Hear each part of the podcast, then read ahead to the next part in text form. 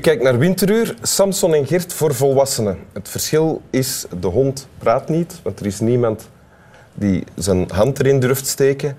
Dus om dan maar iets om handen te hebben, praat ik met de gast. En dat is vandaag John Crombé. Hi. Welkom in Winteruur. John Dank. Crombé, eh, professor dokter economie. Ja. Eh, levende encyclopedie waar het seriemoordenaars aangaat. Dat weet bijna niemand. Hè. en bovendien eh, voorzitter van de SPA. Ook nog. Ja. Ja. Ehm, dus altijd aan het werk. Hè? Ja, absoluut. En u hebt een tekst meegebracht. Wil u die voorlezen? Heel graag. Ooit was het eenvoudig. De gezondheidszorg was gestoeld op een heel eenvoudig principe. Er waren geen ongezonde mensen, want wie het niet gezond was, ging dood. Vergelijk dat met vandaag. We leven langer, we worden niet meer bedreigd door roofdieren.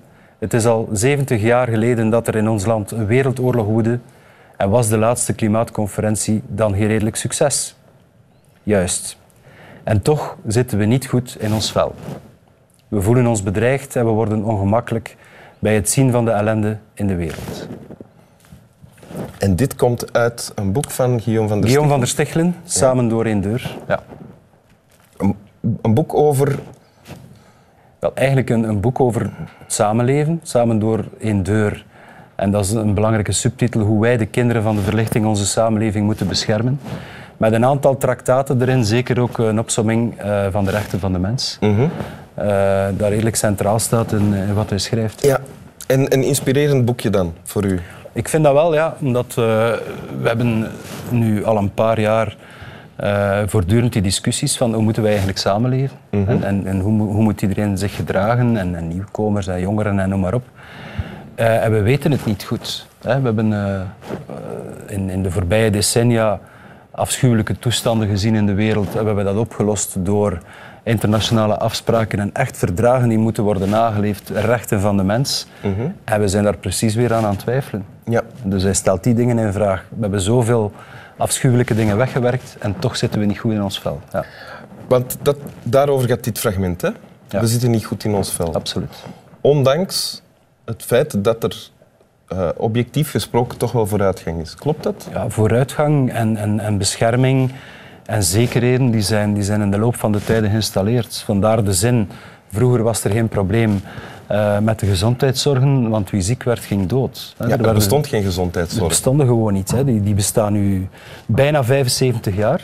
Hè. Die, die zijn gesticht met de sociale zekerheid eh, eind 44, 28 december 1944. Ze waren nog aan het vechten in Koblenz en, in België werd dat gesticht. Ah ja. En tot dan moesten mensen zelf geld aan de kant zetten om dat, om dat te regelen.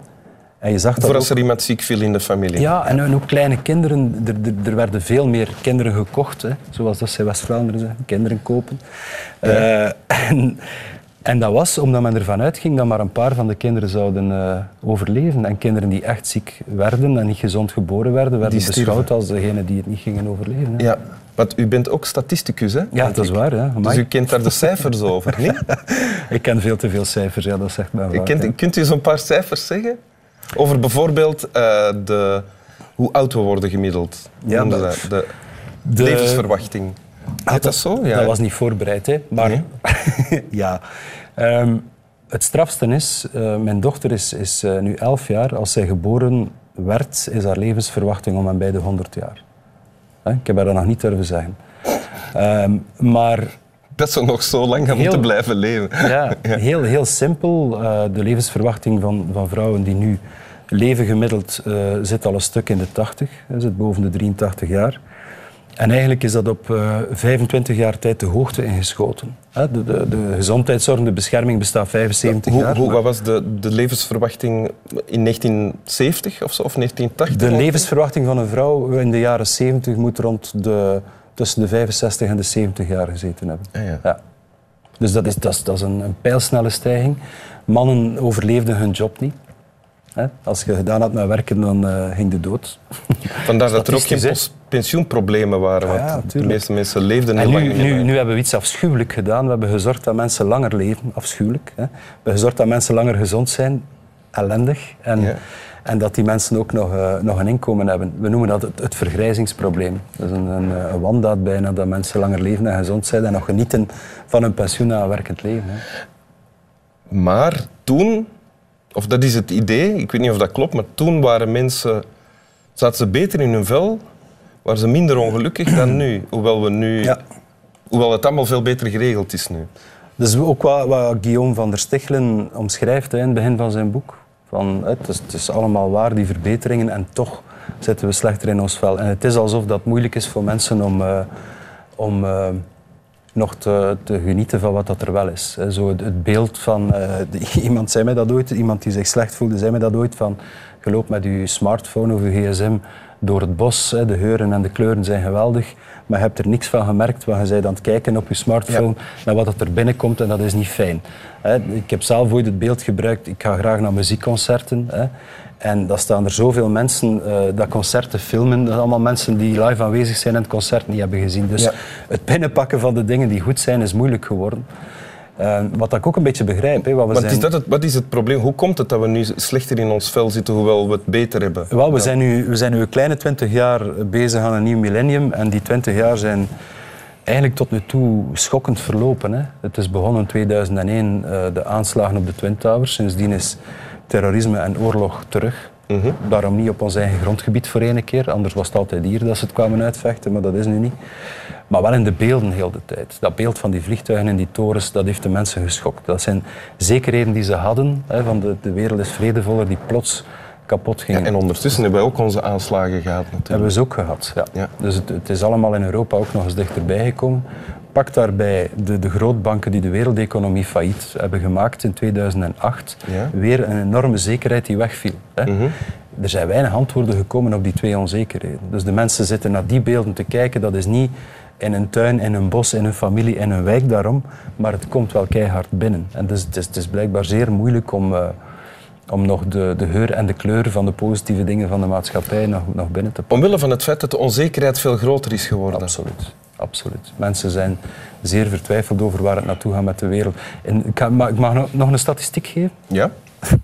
In de ontwikkelde landen was tot aan de bankencrisis in 2008 geloofden twee op de drie mensen dat hun kinderen het beter gingen hebben dan, zich, dan zijzelf. Dat ze iets gingen kunnen opbouwen dat beter was dan zijzelf. Dat is nu in de meest ontwikkelde landen gezakt naar 20 procent, 1 op de 5 in een paar jaar tijd. Ook bij ons. Ja, ook bij ons. Mensen geloven niet meer dat de toekomst voor hun kinderen beter gaat zijn dan hun leven. Maar wat betekent beter? Bete- beter betekent financieel beter? Of wat? Nee, dat, Nee. Dat, dat gaat over, zowel over welstand en welzijn. Dat Ja, is ja. niet alleen financieel beter. En welzijn, geestelijk welzijn, dat is op dit moment een hot topic op de speelplaats in het middelbaar. Moet je dat voorstellen? Ik heb een onbezorgde jeugd gehad in het middelbaar. Dat was, middelbaar was al iets complexer dan het lager, want daar kwamen ook meisjes bij. In het lager hadden we dat niet. Ja? En, en voor de rest was dat school gaan en voetballen en wat. Hè. Nu zijn, zijn jongeren in het middelbaar heel erg bezig over een, een, een welzijn. En, eh, en een, een geestelijk welzijn. Ja. En ik vind dat op zich een rare vaststelling. Maar, dus we zijn, we zijn bezorgder, ongeruster geworden ook. Hè? Ja, we voelen ons Is dat bij u ook het geval? En Ik ben, daar, ik, ik ben eigenlijk een redelijke optimist van nature. Mhm. Ik weet wat dat de maatschappij kan. Hè. Ik ben een socialist, zoals dat je in, in het begin hebt gezegd. Hè. Iedereen weet dat. We hebben op zeer moeilijke momenten in de geschiedenis kunnen zorgen dat het, dat het beter werd. Ook al zei men, het gaat niet gaan, want het gaat slecht zijn voor de economie. Kinderarbeid afschaffen, niet doen, het gaat slecht zijn voor de economie. We hebben het toch gedaan. Die, dus ik geloof wel dat we beter kunnen. Ik geloof in de democratisering van het onderwijs, zorgen dat alle kinderen vooruit kunnen. Ik geloof in het feit dat, dat er een eerlijker verdeling kan zijn. Dus ik denk wel dat we het moeten kunnen oplossen. Maar de politiek doet het te weinig. Mensen zien het te weinig. Mensen geloven nu op dit moment te weinig dat de politiek eh, de maatschappij terug in de goede plooi gaat smijten. Ja. Ja, Oké. Wil je het nog eens lezen? graag. Ooit was het eenvoudig. De gezondheidszorg was gestoeld op een heel eenvoudig principe. Er waren geen ongezonde mensen, want wie niet gezond was, ging dood. Vergelijk dat met vandaag. We leven langer. We worden niet meer bedreigd door roofdieren. Het is al 70 jaar geleden dat er in ons land een wereldoorlog woedde.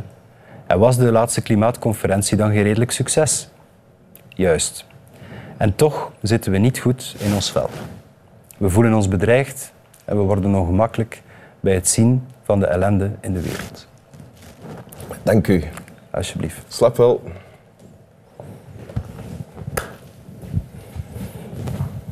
Heavy, hè? Ik weet het niet, ja. Niet alleen maar heavy, hè. Nee, nee.